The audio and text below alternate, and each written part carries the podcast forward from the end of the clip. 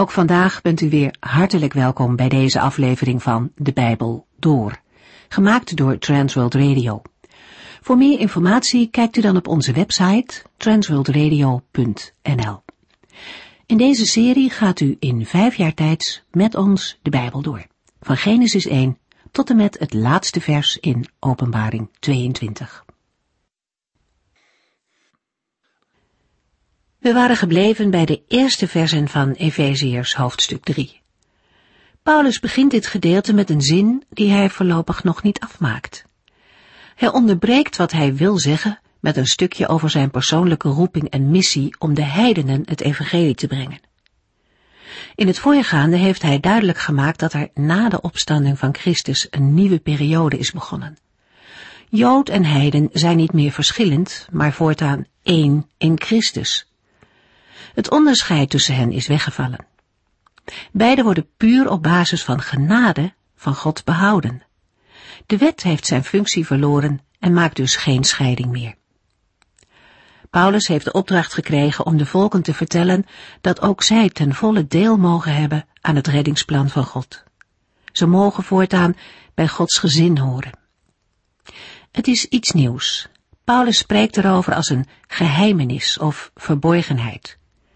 Eerder was het nog niet bekend, maar nu is de tijd gekomen om het nieuws overal in de wereld uit te dragen.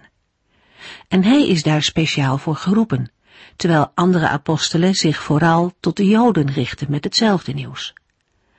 Paulus geeft nog een ander effect aan van deze verkondiging. Ook de heersers en machten in de hemelsferen krijgen op deze manier te zien hoe rijk en volmaakt Gods wijsheid is. En bij zo'n grote taak voelt de apostel zich heel klein.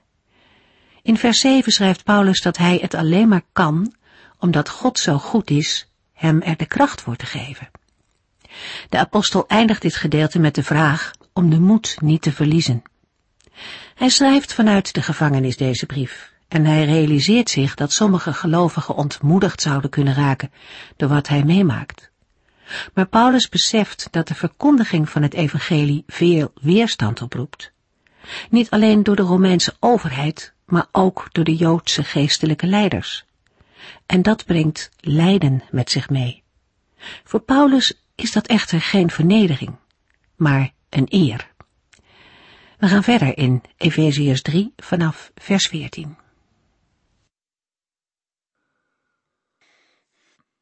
De beginwoorden van Efeziërs 3 vers 14 zijn in de Griekse tekst dezelfde als in Efeziërs 3 vers 1. Het gebed dat Paulus in vers 1 wilde beginnen, heeft hij onderbroken om eerst nog dieper op zijn bediening voor de niet-Joden in te gaan. In Efeziërs 3 vers 14 begint de apostel met het gebed voor de gelovigen, opdat ook zij de rijke inhoud van Gods verborgen plan zullen leren kennen en bevatten. Efeziërs 3 vers 14 Wanneer ik eraan denk, hoe wijs en groot Gods plan is, val ik op mijn knieën voor hem neer. Voorbeden voor de gemeente is een kenmerkend gegeven in de brieven van Paulus. Het gebed dat Paulus in vers 14 begint, bestaat uit één lange zin en eindigt in vers 21 in een lofprijzing. De normale gebedshouding van de Joden was staande. Het buigen van de knieën, knielen, is een teken van onderwerping en eerbied. Als toevoeging bij het woordje God staan in de Griekse tekst de woorden God de Vader van onze Heer Jezus Christus. Deze woorden benadrukken nog eens dat God in de eerste plaats de Vader is van de Heer Jezus Christus en door hem de Vader van alle gelovigen. Efeziërs 3 vers 15 Hij is de Vader van al zijn kinderen, zowel in de hemel als op aarde. De boodschap van vers 15 is dat alle levende wezens, of het nu gaat om mensen of om engelen, hun oorsprong hebben vanuit God, omdat Hij ze heeft geschapen. Bij het woord vader en kinderen gaat het om een groep mensen die een gemeenschappelijke voorvader hebben. Zo kan de Heere de voorvader genoemd worden van alle mensen die op aarde leven en ook de vader van alle engelen die zich in de hemel bevinden. Het afstammen van een bepaalde voorvader, in dit geval God, heeft tot gevolg dat de afstammelingen ook hun naam aan hem ontlenen. Efeziërs 3 vers 16 Ik vraag hem u vanuit zijn heerlijke rijkdom de innerlijke kracht van de Heilige Geest te geven. In vers 16 begint Paulus zijn eigenlijke gebed. Hij bidt dat God de Vader aan de gelovigen de gave van de Heilige Geest schenkt. In Efeziërs 1 vers 17 en 18 benadrukte Paulus het aspect van wijsheid en innerlijk licht of openbaring, dat met het ontvangen van de Heilige Geest is verbonden. In Efeziërs 3 gaat het meer om de kracht van de Heilige Geest. De belofte uit Handelingen 1 vers 8, die de heiland zelf aan zijn volgelingen had beloofd. Het is dezelfde kracht waarover Petrus sprak tegenover Cornelius in Handelingen 10 vers 38. U hebt vast wel gehoord van Jezus van Nazareth, de man aan wie God de Heilige Geest en grote kracht gaf. Hij trok het land door en deed heel veel goeds. Hij genas alle mensen die in de macht van de duivel leefden, want God was met hem. Voor de gelovigen in Colosse bidt Paulus in Colossense 1 vers 11 en 12, ook vragen wij hem u te sterken met zijn geweldige hemelse kracht, opdat u alles blij en geduldig kunt verdragen. En wij danken hem dat hij u in staat stelt te delen in de heerlijke erfenis die toebehoort aan zijn volk dat in het licht leeft. Paulus vraagt niet of de Heere vanuit zijn heerlijkheid de gelovige kracht wil geven, maar overeenkomstig zijn heerlijke rijkdom de innerlijke kracht van de Heilige Geest wil geven, dat wil zeggen overvloedig en royaal. De uitdrukking vanuit zijn heerlijke rijkdom wordt door Paulus gebruikt, omdat de heerlijkheid van God niet in één woord valt te beschrijven. In Romeinen 9 vers 23 wordt het met andere woorden gezegd. Waar het om gaat, is dat zijn buitengewone grootheid gezien wordt door de mensen, met wie hij het goed voor heeft. Het woordje kracht kan ook vertaald worden met gesterkt te worden. Daarbij wijst de vorm van het werkwoord op een eenmalige bekrachtiging van de Heilige Geest.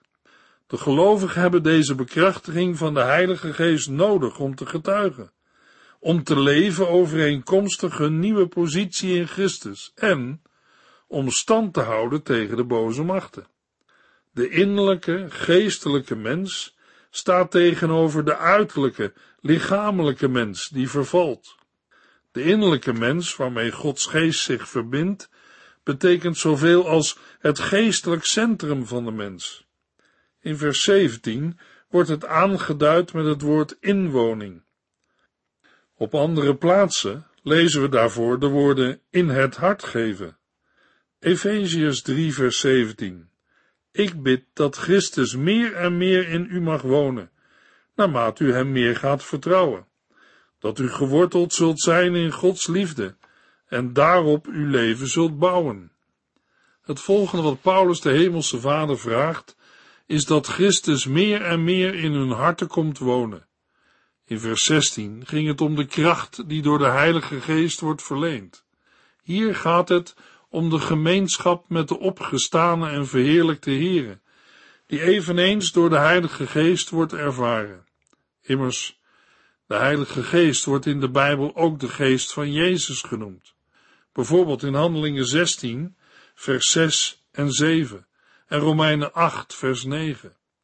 Zo kan dan ook de inwoning van de Heilige Geest omschreven worden als een wonen van Christus in de gelovigen.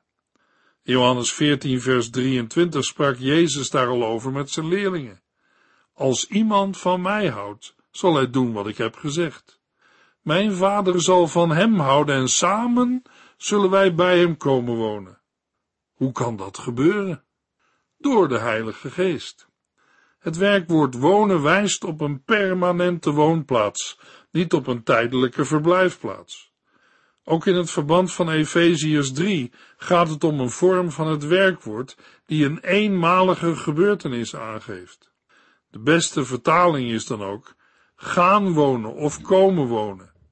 Kennelijk richt Paulus zich in vers 16 en 17 tot pas bekeerden, die de kracht van de Heilige Geest nog niet hadden ontvangen. Het ontvangen van de Heilige Geest en daarmee de inwoning van Christus vindt plaats langs de weg van het geloof en wordt door de Heere gegeven. Door de Heilige Geest neemt ook Christus plaats in de harten van de gelovigen. Het hart kunnen we omschrijven als het geestelijke centrum van de mens, vergelijkbaar met de innerlijke mens. Zoals God in Christus woont en in de gemeente als geheel, zo woont ook de drie-enige God in de gelovigen. Deze inwoning is gebonden aan het geloof, opdat een gelovige de Heere meer en meer gaat vertrouwen en geworteld wordt in Gods liefde, en daarop zijn of haar leven bouwt. Menselijke liefde is een te wankele basis. Dat geldt ook voor de apostel Paulus. Als Paulus vanaf vers 14 aangeeft dat hij voor de gelovigen op zijn knieën valt en voor hen bidt, dan komt dat niet voort uit een menselijke genegenheid, maar is geworteld in Gods liefde. Het was de grote ontdekking in het leven van Paulus, dat de Heere hem openbaarde, dat in Christus de gelovige niet-Joden ook bij het volk van God, bij Gods gezin mogen horen. Als zij Christus meer gaan vertrouwen, zal hij meer en meer in hen gaan wonen. Samenvattend bidt de apostel dat u geworteld zult zijn in Gods liefde en daarop uw leven zult bouwen.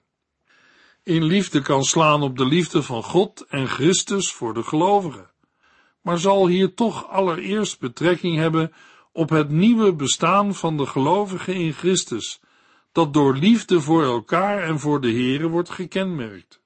Geworteld en opgebouwd wordend in Gods liefde geeft aan dat de onderlinge liefde de basis is voor een beter begrijpen van Gods geheim.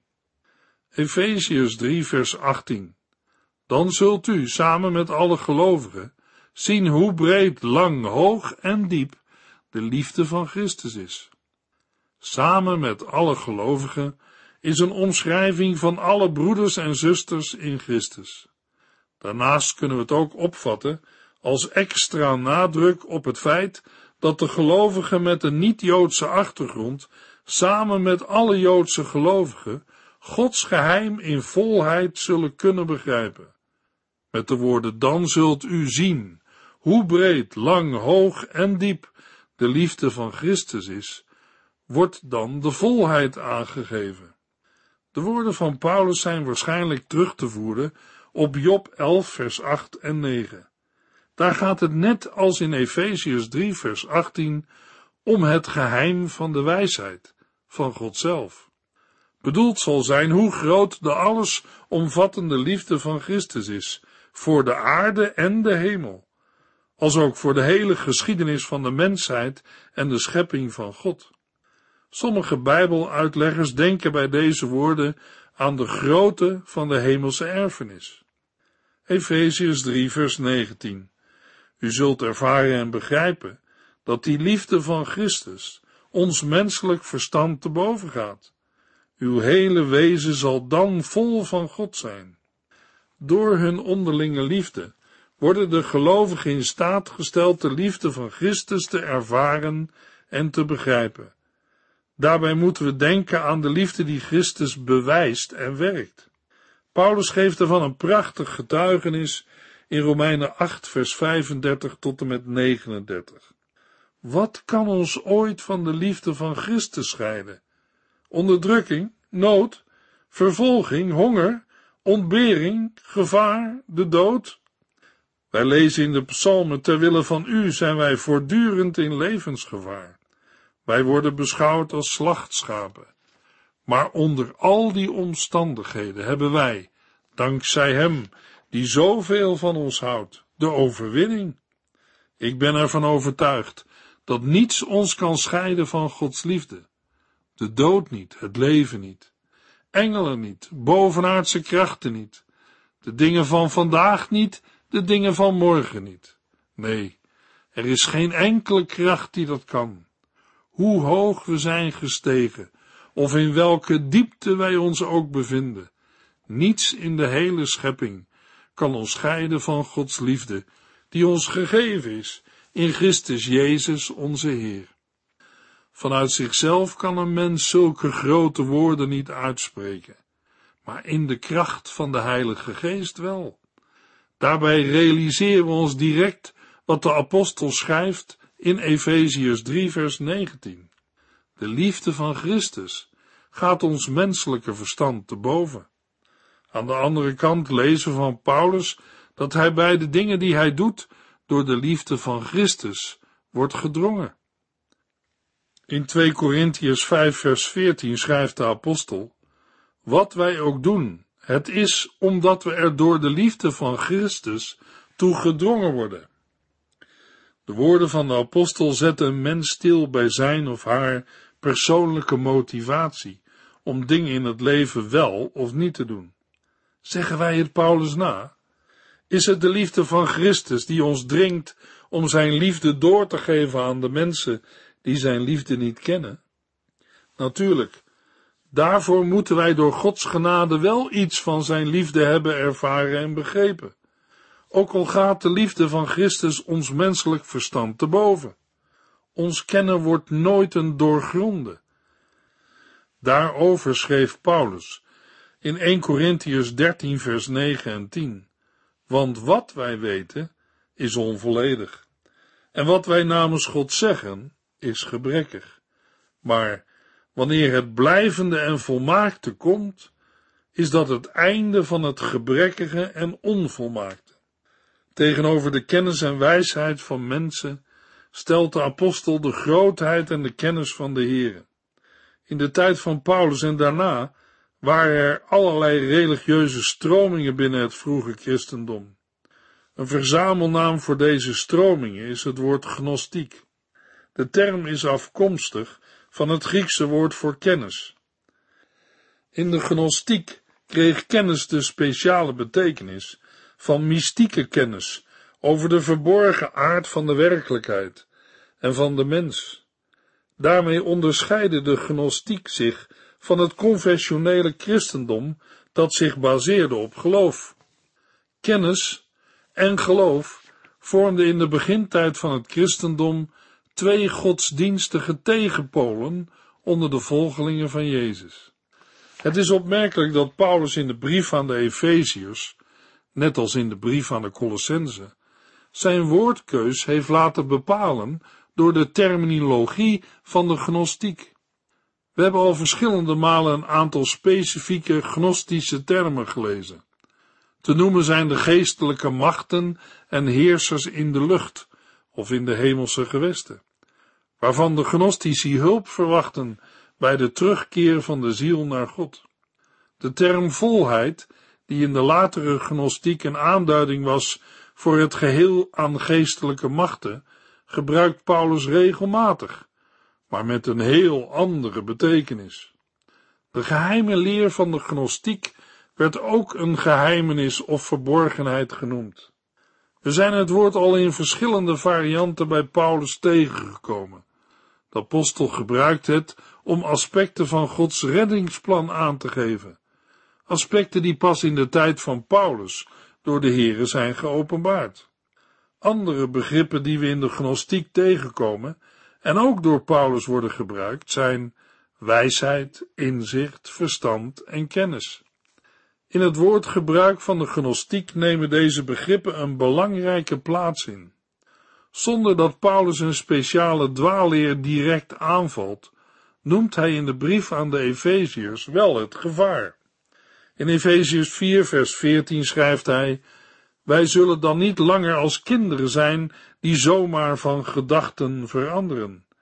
Wij laten ons dan ook niet meer door van alles beïnvloeden. Ook niet door de verkeerde leer van slimme mensen die ons op een dwaalspoor willen brengen. Ook in Efeziërs 5 vers 6 vinden we woorden die met de gnostiek verbinding hebben. Paulus' opmerking in Efeziërs 5 vers 29 geen mens haat zijn eigen lichaam, maar verzorgt en voedt het, zoals ook Christus zorgt voor de gemeente, zijn lichaam, waarvan wij deel uitmaken. Het zal de gnostische lezer bijzonder hebben getroffen. Uit Colossense 2 weten wij dat aanhangers van de gnostiek zich een strenge ascese oplegden, waarbij ze door vasten en zelfkastijding de verlossing van hun ziel wilden bewerken.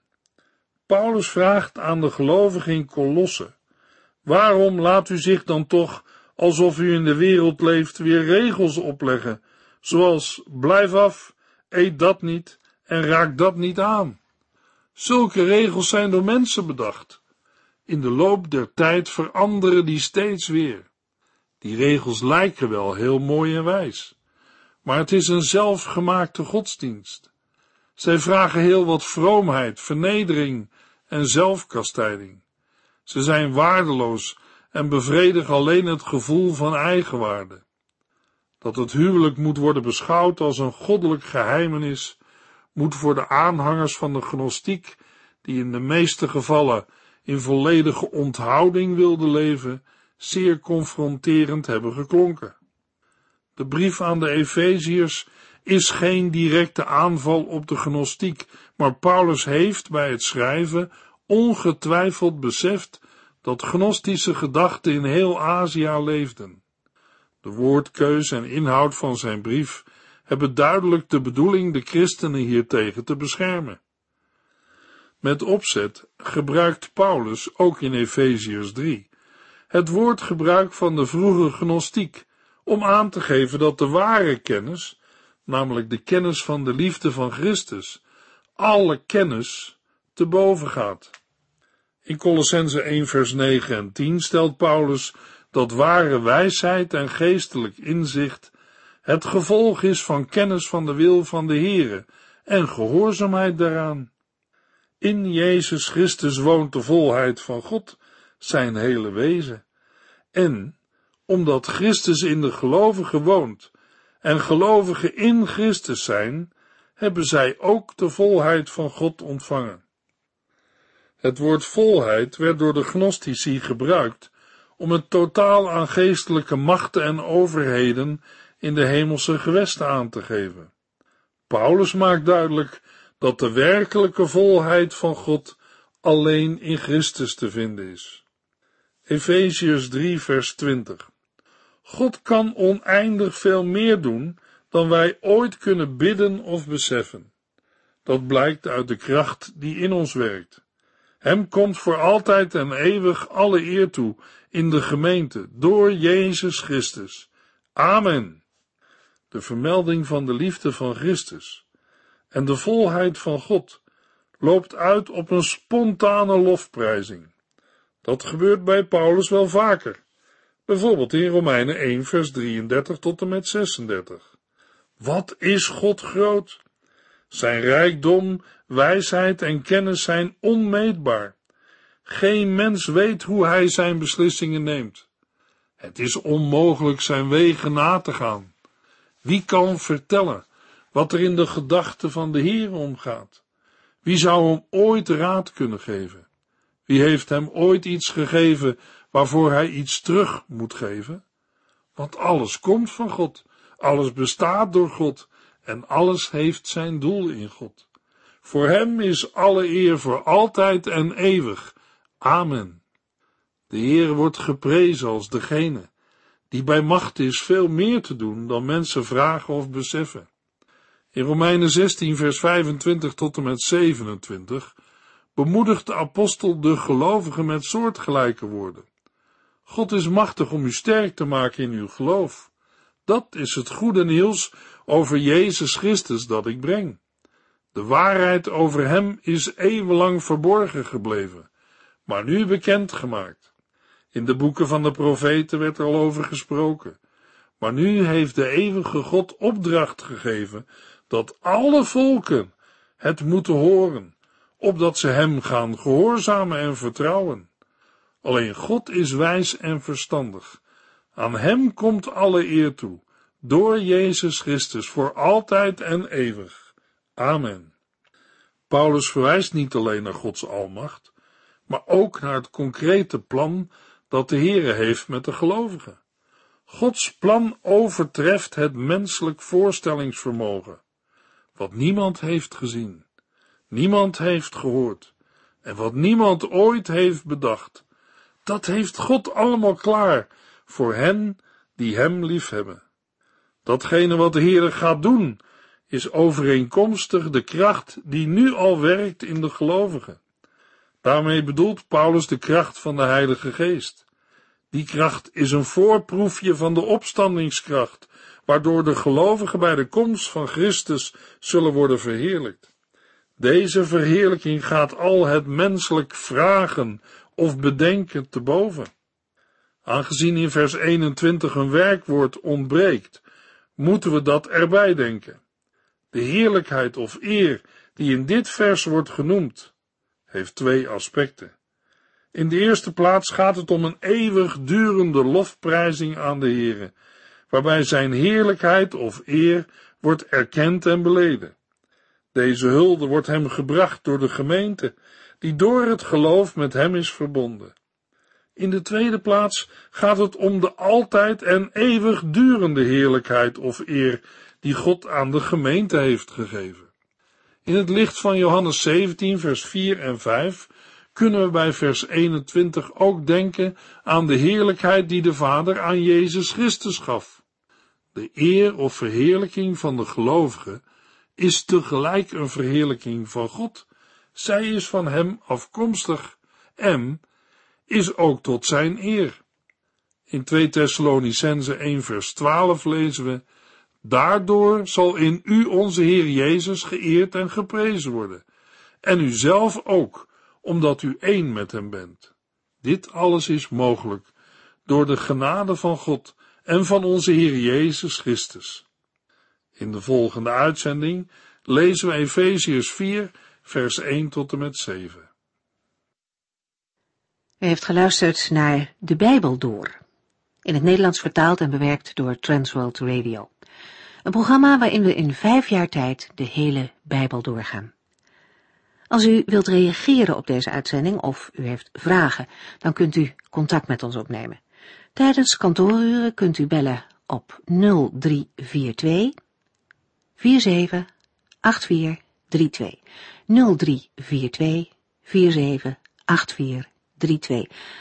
Ook kunt u een e-mail sturen naar de Bijbel door at transworldradio.nl en natuurlijk kunt u ook via de post ons bereiken. TWR, postbus 371, postcode 3770, AJ in Barneveld. Dit programma werd gepresenteerd door Cor Weda en Ike André. Techniek was in handen van Odin van Voerkom. En wij allemaal bedanken u voor het luisteren. Graag tot de volgende keer.